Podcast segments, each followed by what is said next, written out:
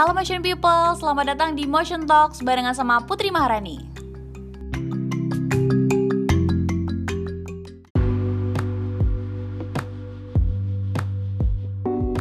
Bu Ani kalau mana peripihan, Bu Ani harus bertanggung jawab bahwa itu tempat peribadatan, tempat suci.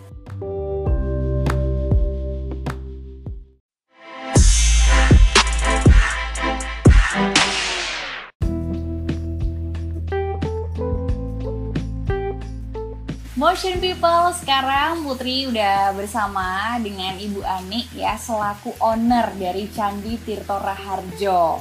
Tadi udah dikasih tahu sneak peeknya ya, tempatnya bagus banget, rindang sejuk hijau-hijau ya. Langsung menghadirkan ownernya seneng banget bisa bertemu Ibu. Halo Ibu, apa kabar? Halo Mbak Putri, terima kasih sudah datang ke Candi Tirto. Iya, tempatnya lucu banget, seru banget. Tadi juga melihat ada candi juga. Nah, sebenarnya pengen tahu nih Bu, mungkin sebelum mengulik-ulik soal bangunan-bangunan yang sebenarnya uh, unik juga dan ada candinya juga. Candi Tirto Raharjo. Nah, ini mungkin boleh diceritakan dulu. Oke, jadi uh, awalnya candi tan uh, tanah ini ini tanah kosong nih, gudang dulunya.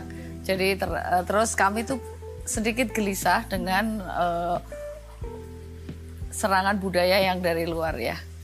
Dan banyak sekali generasi muda kita tidak tahu lagi rumah Jawa seperti apa, tanaman Jawa seperti apa. Bahkan ada beberapa yang golongan tertentu yang tidak boleh mendatangi candi nih.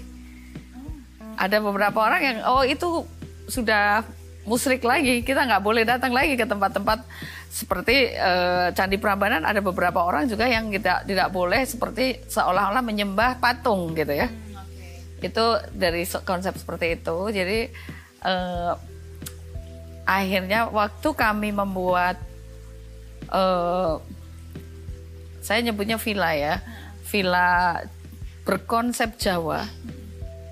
Itu jadi rumah-rumah yang ada di depan ini, rumah kecil-kecil yang ada yeah. di iya. depan ini, itu kan seperti uh, rumah Jawa zaman dulu rumah dulu. Jadi saya hanya memindahkan rumah-rumah yang memang sudah tidak dipakai lagi oleh pemilik lama dari dari daerah-daerah dari daerah Blora, Cepu semacam itu. Terus dibawalah ke sini. Jadi pembangunannya agak lama. Terus akhirnya menjadi candi uh, Tirtora Harjo ini seperti wadah dari puzzle-puzzle yang selama ini kotak-kotak yang selama ini saya kumpulkan dengan suami saya, Pak Timbul. Jadi uh, ada rumah yang akhirnya kita berdirikan, ada candi yang kita buat, ada gamelan yang Pak Timbul sebagai pewaris generasi ketiga. uh, uh. Jadi generasi turun temurun dan kebetulan anak-anak kami juga bermain gamelan. Oh. Dan gamelan ini tetap akan ditabuh oleh boleh oleh siapa pun. Tidak perlu bayar asal tetap menjaga kebersihan. Semua perawatan kita merawat bersama karena ini menurut saya bukan hanya sekedar warisan keluarga ya, tapi juga warisan untuk semua orang. Bahwa ini sekarang kan untuk membeli suatu gamelan kan memang mahal sekali dan sayang kalau tidak dirawat dan dilestarikan. Jadi kami sangat terbuka untuk siapa pun boleh asal jamnya ter, jamnya sudah di, boleh diatur dengan koordinasi pengaturan di sini boleh main dan tidak perlu membayar wow. gitu kan jadi ini bentuk kecintaan kami ke budaya Indonesia budaya. Jawa atau ada uh, khususnya ya terus uh, jadi waktu saya membangun ini mm-hmm. saya kebetulan pecinta candi oh memang ada sudah ada. Memang suka sekali candi dan uh, semua yang berbau situs saya senang sekali. Dan sekarang ini orang tuh orang kita kalah loh sama nenek moyang kita.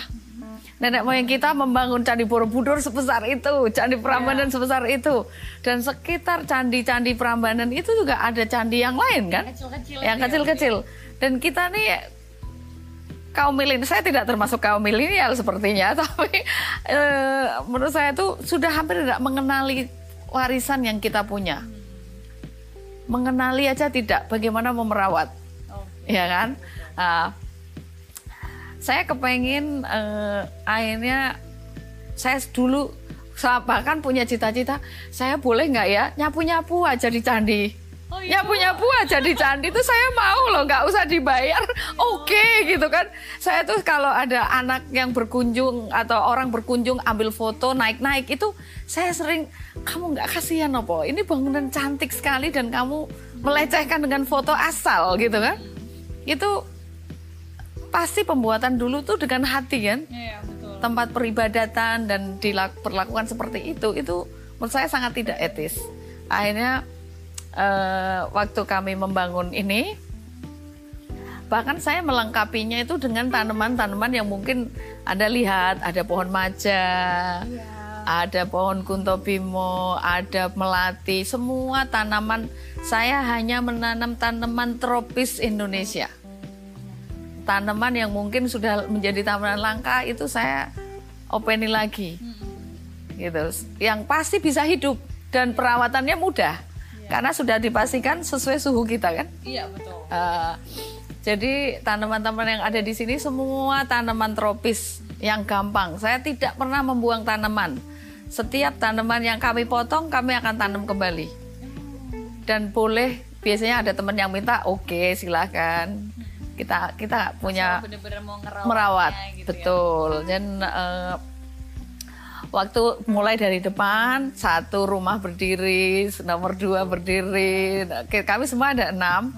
Terus akhirnya uh, orang itu mikir ini ini tak luas sebesar ini.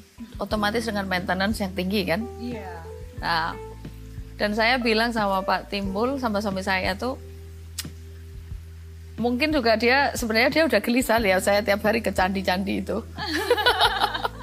Terus akhirnya main ke main ke mana-mana. Ya, Bu ya. Iya, saya senang sekali dengan candi. Dan waktu itu sempat berencana untuk setelah anak-anak kami besar, eh, kami berencana untuk tinggal di Bali karena saya lebih menyukai atmosfer yang ada di sana dengan budaya-budaya yang kita masih dipelihara. Yeah. Itu eh, saya berencana untuk boleh habis anak-anak dewasa kita pindah dong ke Bali gitu kan waktu itu sebenarnya sudah setuju pak suami saya itu uh. tapi ternyata uh, berubah arah setelah kami punya ini terus dia bilang oke okay, sekarang kamu pengen apa aku pengen buat candi sendiri oh wow jadi ini candi yang ada di Candi Tirto Raharjo ini memang dibuat sendiri ya, dibuat ya? sendiri sebagai kado pernikahan kami ke-25 Uh, sekali. Iya, jadi komen di bawah yang mau dapat. jadi nikahan yang candi luar biasa ya. Saya saya termasuk yang anti mainstream ya. Iya. Jadi, jadi orang yang lain ya, mungkin apa, apa ya. berlian yang segede gambreng atau apa Mercedes atau barang-barang yang brand-brand yang ini saya enggak saya hanya pengen punya candi sendiri candi ya jadi kalau apa uh, seperti tadi yang saya bilang bahwa tempat ini tuh seperti puzzle-puzzle yang kami kumpulkan perjalanan pernikahan kami yang ke-25 itu. Jadi ada candi dari suami saya. Saya kebetulan waktu saya berniat membuat candi itu arsitek yang kami tunjuk untuk menggambar itu bilang sama saya bilang begini, "Ibu, Ibu Ani maunya candinya untuk apa?" Saya bilang untuk peribadatan saya tidak mau membangun hanya kalau Bu Ani hanya membuat candi hiasan. Terus saya bilang, saya maunya pakai untuk saya meditasi atau dan mengenalkan bahwa ini loh salah satu dari warisan kita. Kita yang harus meneruskan.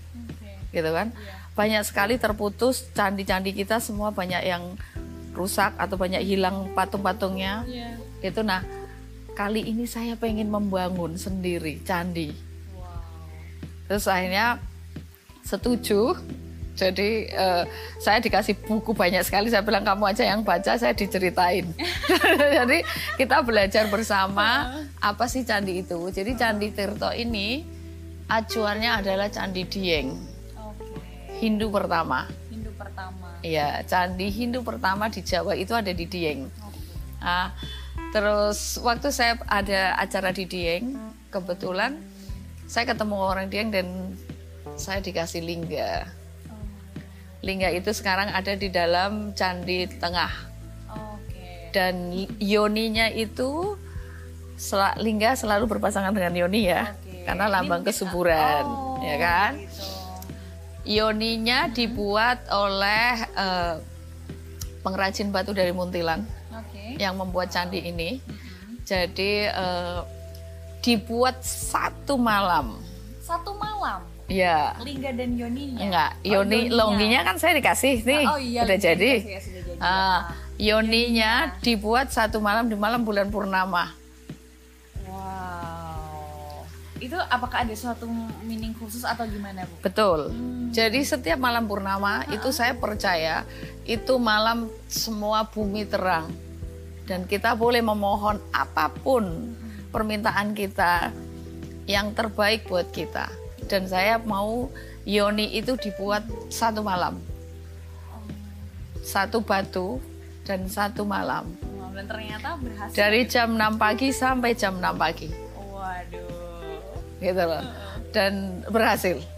Meskipun tukangnya sampai sini matanya bentak, matanya bengkak karena nggak tidur semalam ya. Dan dia bilang, Ibu Ani terima kasih sudah percaya sama saya untuk membuat Yoni ini gitu.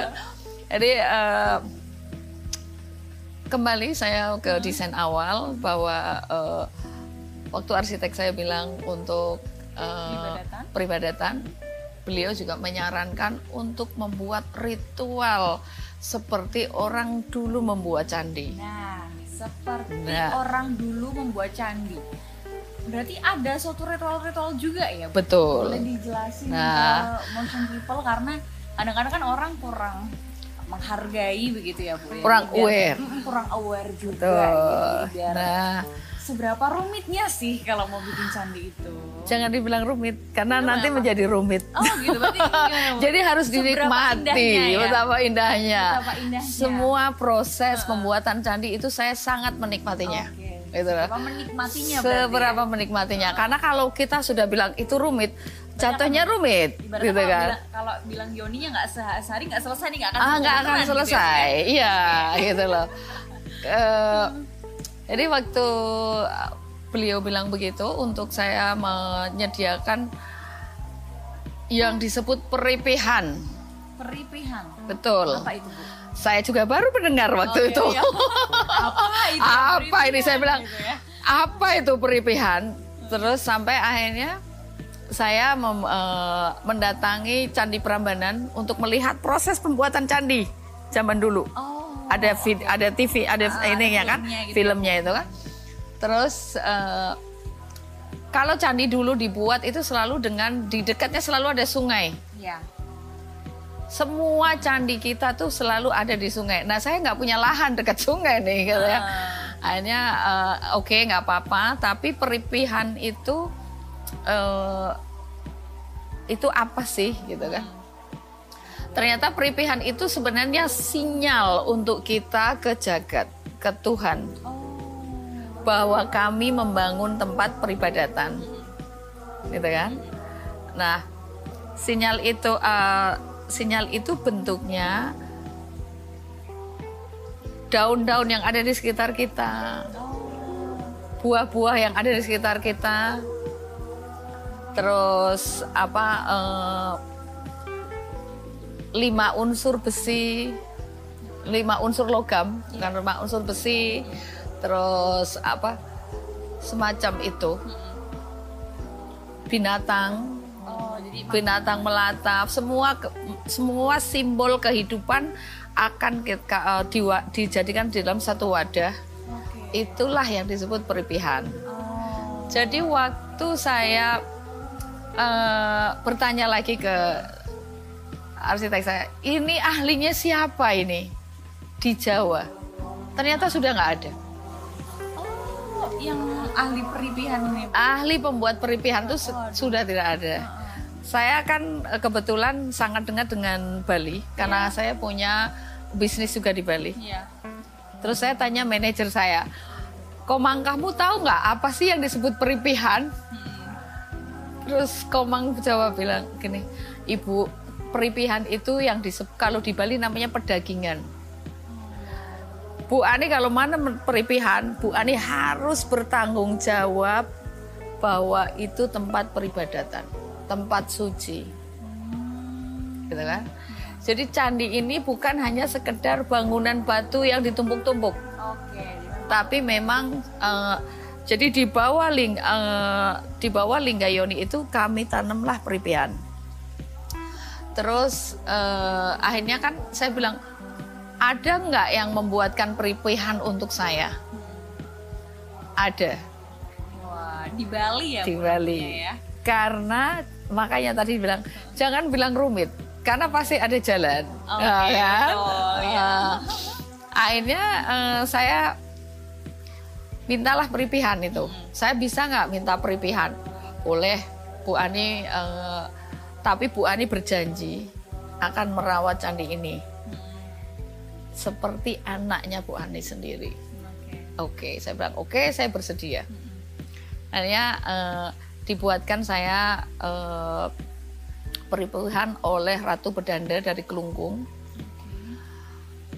Eh, dan waktu saya eh, sudah selesai dibuatkan itu, staf saya bilang, ibu peripihan sudah siap diambil, sudah divideoin isinya, dan saya kembali saya datang ke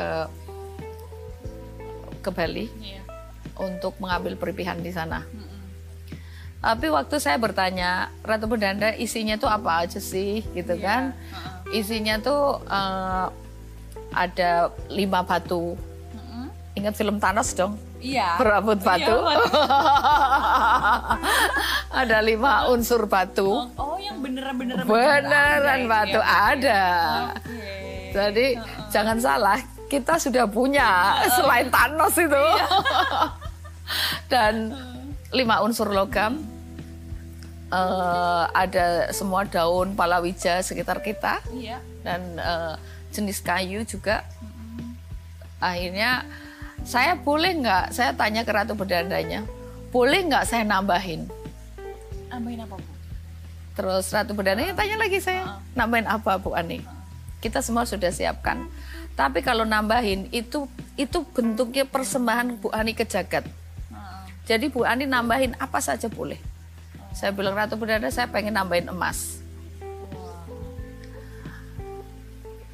Saya penyuka angka 666. Waduh. Biasanya orang-orang malah menghindari 666 ya, Bu. Kan saya anti mainstream. Anti mainstream. Dia pernikahan ya. Ah, jadi oh. saya pesan di toko emas emas 1 gram yang berjumlah 6 kali 3 Enam berarti di 18. 18 dan mereka sudah berjanji akan menyediakannya In- sampai pada waktunya mereka tidak memenuhi janjinya Oh. Tidak ada satu graman sejumlah 18 biji Bu Ani. Bu Ani boleh beli 10 gram dan 8 gram tapi dengan bentuk yang lain-lain. Aku bilang saya nggak mau. Saya mau emas murni 18. Tapi terus sampai saya bilang udah kita ke toko emas pilih nanti kamu akan ketemu dari sekian banyak kamu pasti akan ketemu. Akhirnya kami Ya, tidak boleh tidak boleh- susah, susah. itu tadi ya, Bu ya. Betul. Akhirnya saya kami ke toko emas nih hari Minggu nih. Sampai di sana saya tanya, eh, saya menunjuk satu barang. Saya mau yang ini. Ini apa ini Mas? Kok bagus? Saya bilang. Ini namanya liontin borobudur. Wah, pas banget ya, Bu. Saya setiap kali menceritakan ini saya selalu merinding karena dia bilang dan saya sudah nggak tertarik untuk yang lain. Saya boleh lihat nggak? Boleh. Ada tiga persis dengan candi saya. Kecil, besar, kecil. Oke. Leontin itu. Dan sudah dengan gandengan dengan kalungnya. Terus mas saya bilang, ibu ini ada set komplitnya. Ada giwang dan ada cincinnya. Terus yang kebayang harganya dong. ini tadi nih, hati-hati kalau kita bicara. Saya bilang saya mau kasih yang terbaik buat jagat. terus aduh ini pasti mahal nih saya bilang ini pasti mahal nih karena gramnya kan menjadi banyak sekali Iya betul. Lebih dari 18 gram. lebih ya, Bu, 18 gram dong terus akhirnya suami saya bilang udah kalau kamu ragu-ragu liontin dan kalungnya sudah cukup sudah mewakili bentuk candimu. Terus ya oke liontin sama kalungnya aja saya bilang gitu Terus suami saya beli es teh di depan toko emas itu. Terus dia bil panggil saya ini es tehnya enak loh. Saya bilang, oh ya oke. Terus dia bilang kamu yakin hanya ngasih liontin? Oh. saya bilang enggak. Beli semua Akhirnya beli semua. akhirnya kami beli semua Berarti itu ditaruh di dalam satu tempat begitu, Bu. satu wadah Satu wadah. Mm-mm. Eh, apa namanya terus akhirnya eh, saya kami beli semua terus paginya saya terbang ke Bali Oke. membawa itu waktu saya sampai di dari bandara saya langsung ke rumah ke kediamannya Ratu Bedanda saya bilang dia tanya beliau ber- bertanya Bu Ani bawa apa saya bawa ini Ratu Bedanda beliau bilang ini dipakai Ibu Ani cantik. Saya bilang enggak. Saya sudah dikasih banyak. Saya menyebut diri saya ini saya orang termasuk yang dimanja oleh jagat, yang dimanja oleh alam. Jadi saya punya suami yang baik, punya anak-anak yang tidak nakal, baik, pinter, ganteng dan cantik, punya rezeki yang alhamdulillah banyak, gitu kan. Jadi saya tidak mau mengingkari itu. Dikelilingi oleh orang-orang yang mencintai kami. Itu sudah menurut saya saya dimanja sangat. Dikasih banyak sekali kenapa saya harus berhitung ulang untuk memberi kembali Iya. itu poinnya Tapi Ya. ya. betul. terus Ratu Perdananya bilang ini sudah saya siapkan semua batu sudah yang memang harus saya siapkan sudah saya siapkan Bu Ani kalau sudah saya tutup ini itu tidak bisa kebuka kembali jadi Bu Ani berpikir malam ini besok kembali lagi saya bilang saya tidak perlu berpikir lagi masukkan dan tutup saya bilang. Bukan saya takut berubah pikiran tapi memang itu sudah kewajiban Sudah saya. niatnya sudah niat dan tahu apa yang Ratu Perdana minta? Satu lagi. Beliau bilang gini boleh nggak saya mau meminta satu lagi? Apa yang anda bayangkan? Beliau minta berlian. Berlian. untuk menyempurnakan peripihan ini. Oh oh. Dan saya menyanggupinya. Oh my god. di detik yang sama Hah? telepon saya tuh bunyi terus. Ditaruh saya taruh begitu. Saya agak ceroboh dengan handphone gitu gitu kan. Saya bilang aduh maaf Ratu Brenda. Saya, saya lupa mematikan handphone. Diangkat karena itu yang kita tunggu. Teman saya menawarkan berlian. Pas banget momennya. Pas Jadi banget kayak alam itu semua bersinergi gitu ya, ya? bersinergi ke situ ternyata kalau kita fokus dalam satu titik semua pun akan mendukungnya. Dari, dari ibu Sem- yang niatnya hanya istilahnya ingin beribadah, punya candi sendiri, merawat gitu ya. ya Istilahnya memberi kepada saya sudah banyak nih dikasih alam, ingin memberikan ke alam juga ya. benar kembali Wow. Betul. Di detik yang sama, telepon saya bila eh, teman saya diang dan Ratu Perdana mempersilahkan saya untuk mengangkatnya. Heeh. Saya bilang, diangkat dulu ibu. Saya bilang angkat sebentar ya ngomongnya. Saya bilang gitu kan, dengerin ya. Aku punya berlian dan dijual murah. Kamu mau nggak ambil? Saya langsung ambil tanpa saya bertanya harga. Jadi akhirnya eh, terselesaikan kan masalah saya. terselesaikan masalah saya. Jadi tapi saya bilang tapi Ratu Bernarda berliannya kan ada di Jawa. Sedangkan harus ditutup sekarang. Ada gitu tutup ya. sekarang katanya terus nggak apa-apa nanti diselipkan di sini. Setelah kita oke akhirnya eh, pagi harinya kami melakukan semua upacara untuk eh, si peripihan tadi. Kembali saya diuji. Setelah saya selesai upacara, upacara satu, upacara kedua saya harus ke Besaki. Oke. Saya mendapat kabar suami saya kena stroke. Itu baru pas ibu mau pulang ke Jogja. Belum, Oh, belum. karena saya belum selesai upacara. Oh, Masih harus satu kali lagi. Dan suami saya cuma bilang gini ke staff saya semua di sini.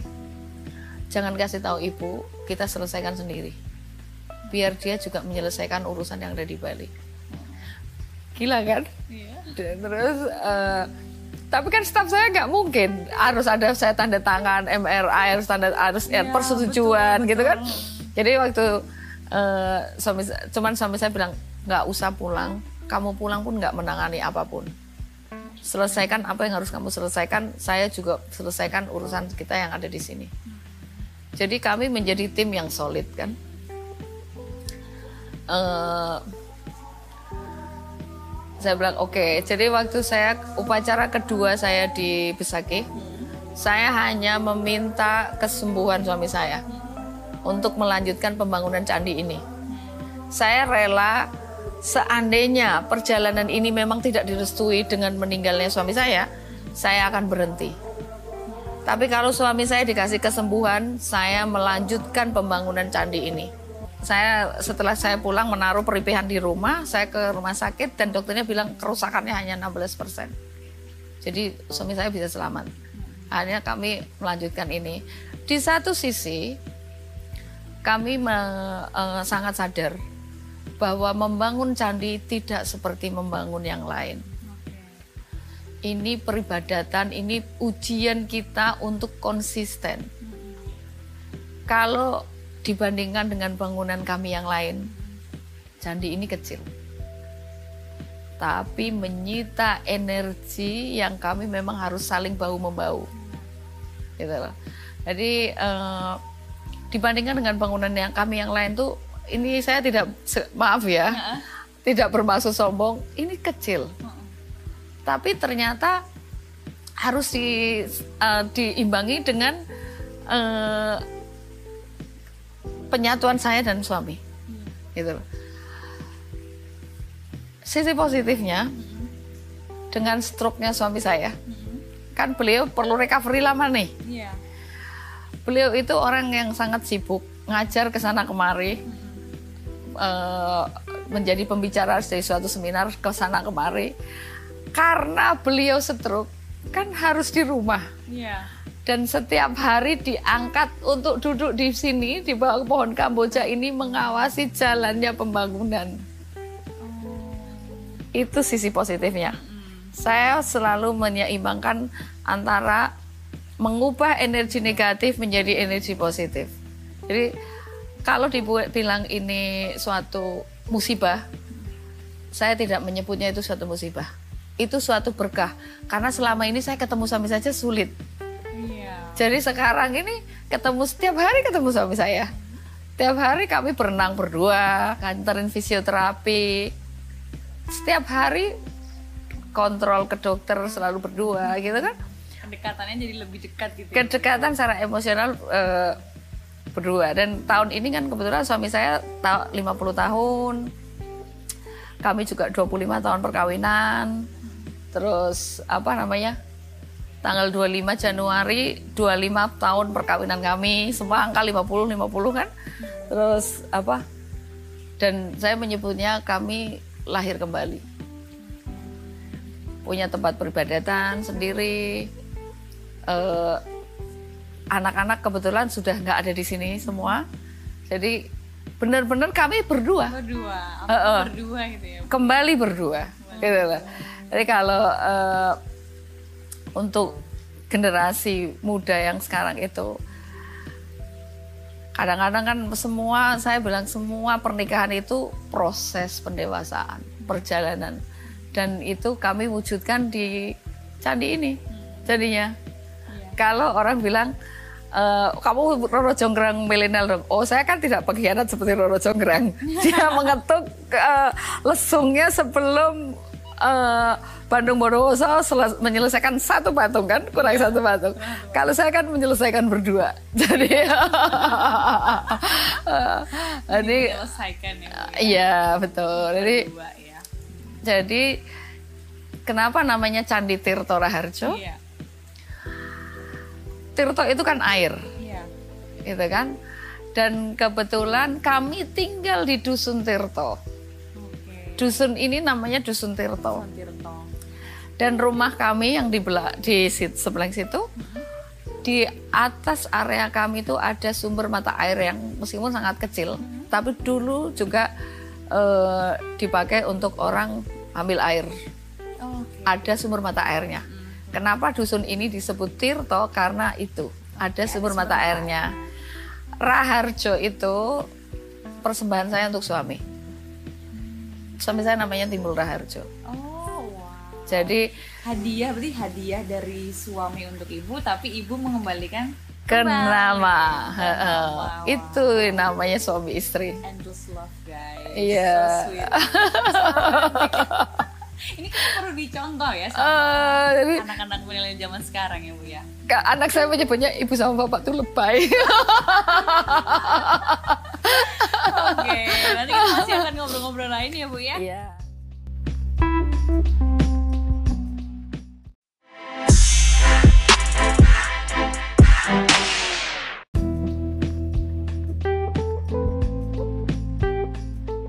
Konsep ke depannya candi ini nanti akan seperti apa sih bu? Selain mungkin apakah ada selain untuk berdibadatan ibu begitu?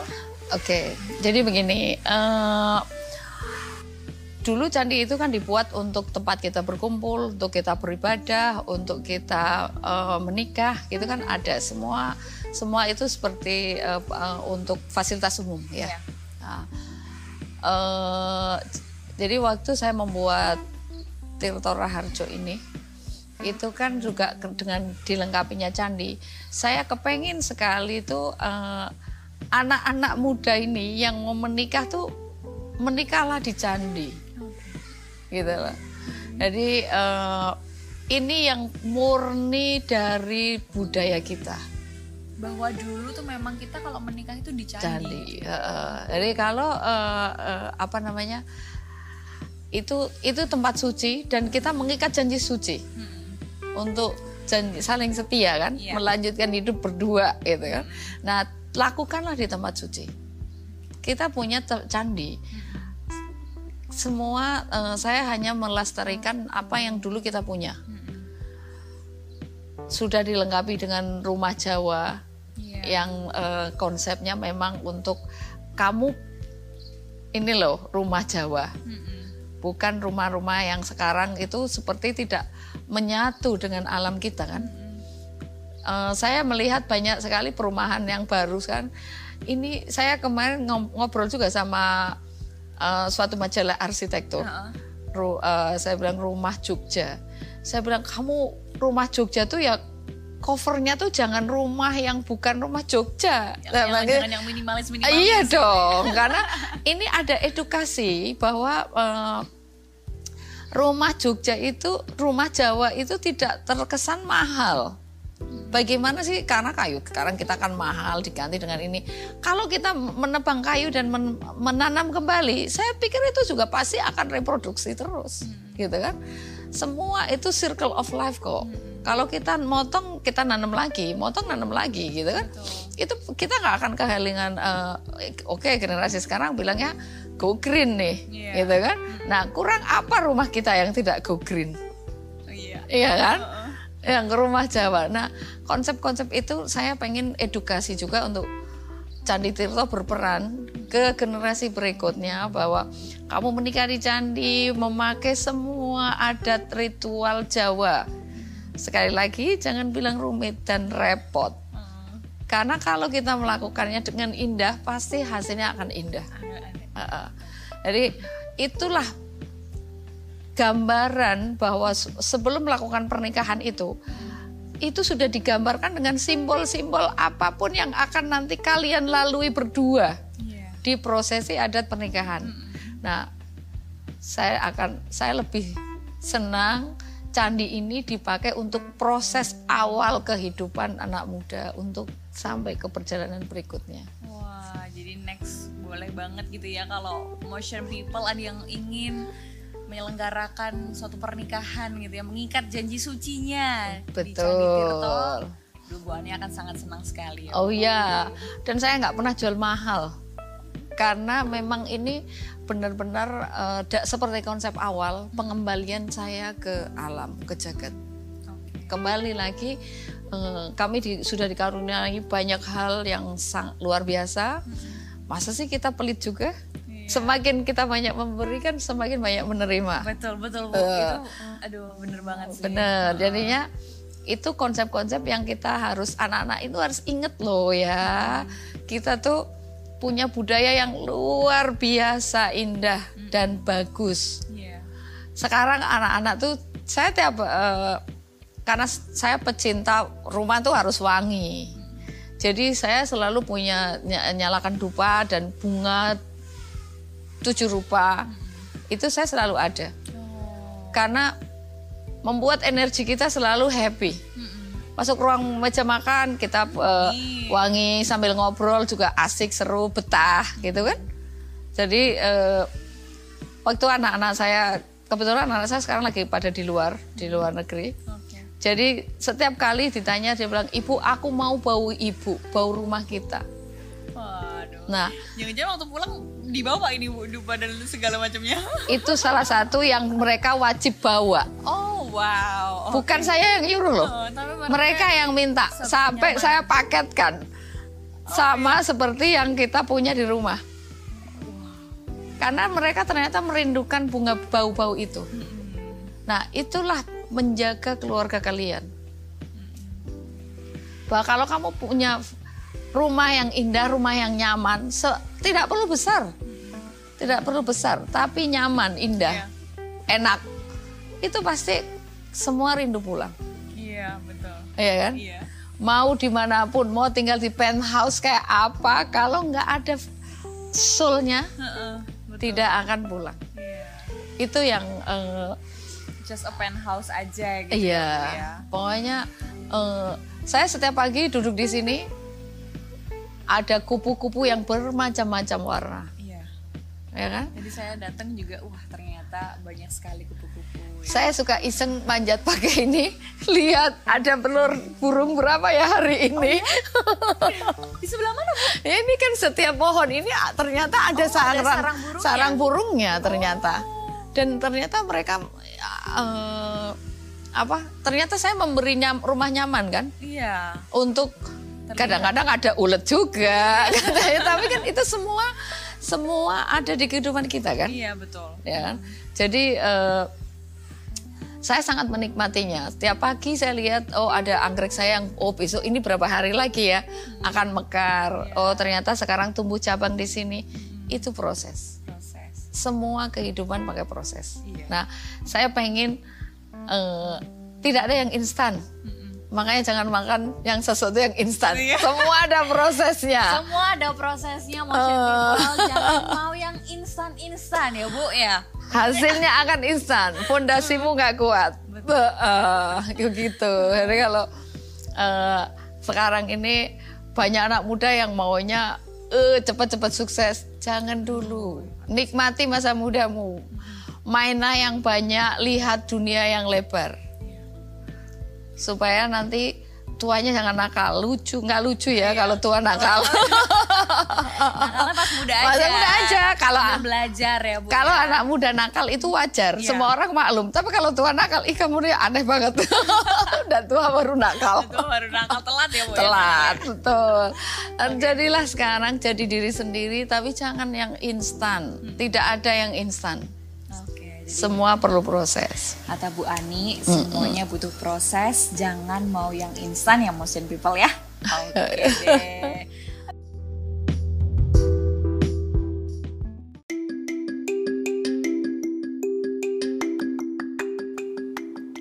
Dan itu tadi Motion Talks kita hari ini. Thank you for listening and see you.